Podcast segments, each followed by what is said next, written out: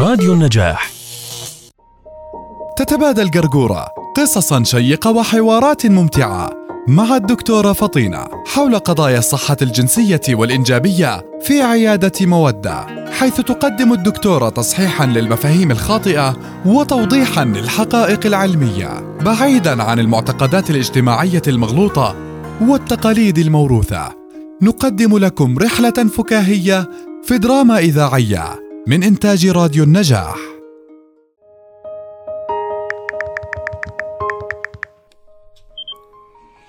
زي العسل آه على قلبي هواك.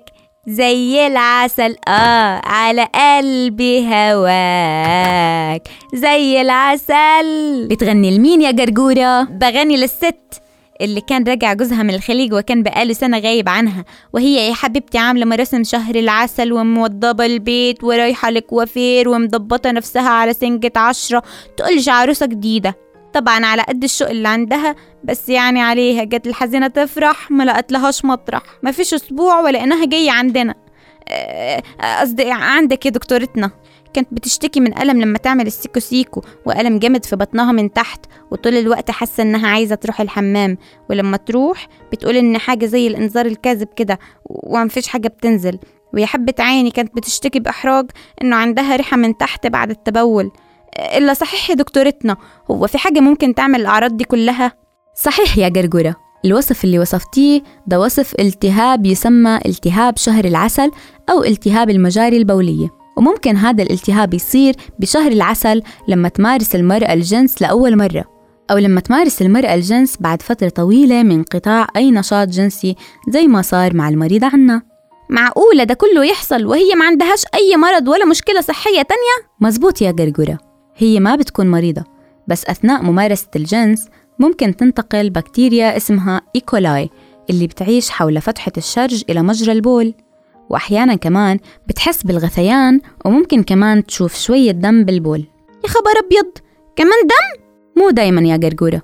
في بعض الحالات لو تأخرنا عن الكشف لهيك ضروري أول ما تحس المرأة بأي أعراض تروح مباشرة للطبيب اللي بشخص الحالة وبيتأكد إيش الالتهاب اللي بتشتكي منه. في حالة الالتهاب بسبب E. coli ممكن علاجه بسهولة وبسرعة باستخدام المضادات الحيوية المناسبة. يعني دلوقتي هي مش هتدلع نفسها وتدلع جوزها ويعملوا سيكو سيكو؟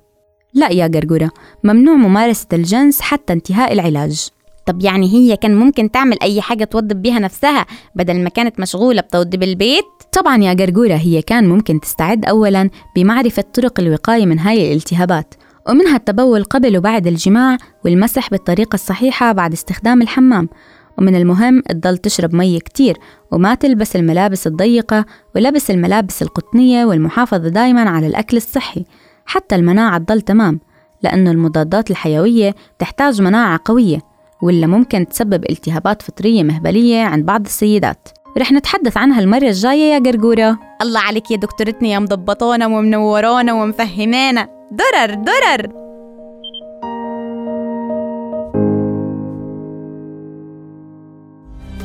قرقورة وفطينة دراما إذاعية من إنتاج راديو النجاح. سيناريو وإعداد أسيل ياسين يامن نوح. نداء رضوان رنيم حجازي الأداء الصوتي أسيل ياسين الهندسة الصوتية أسامة الإصمادي الإشراف العام عبيدة فرج الله. راديو النجاح.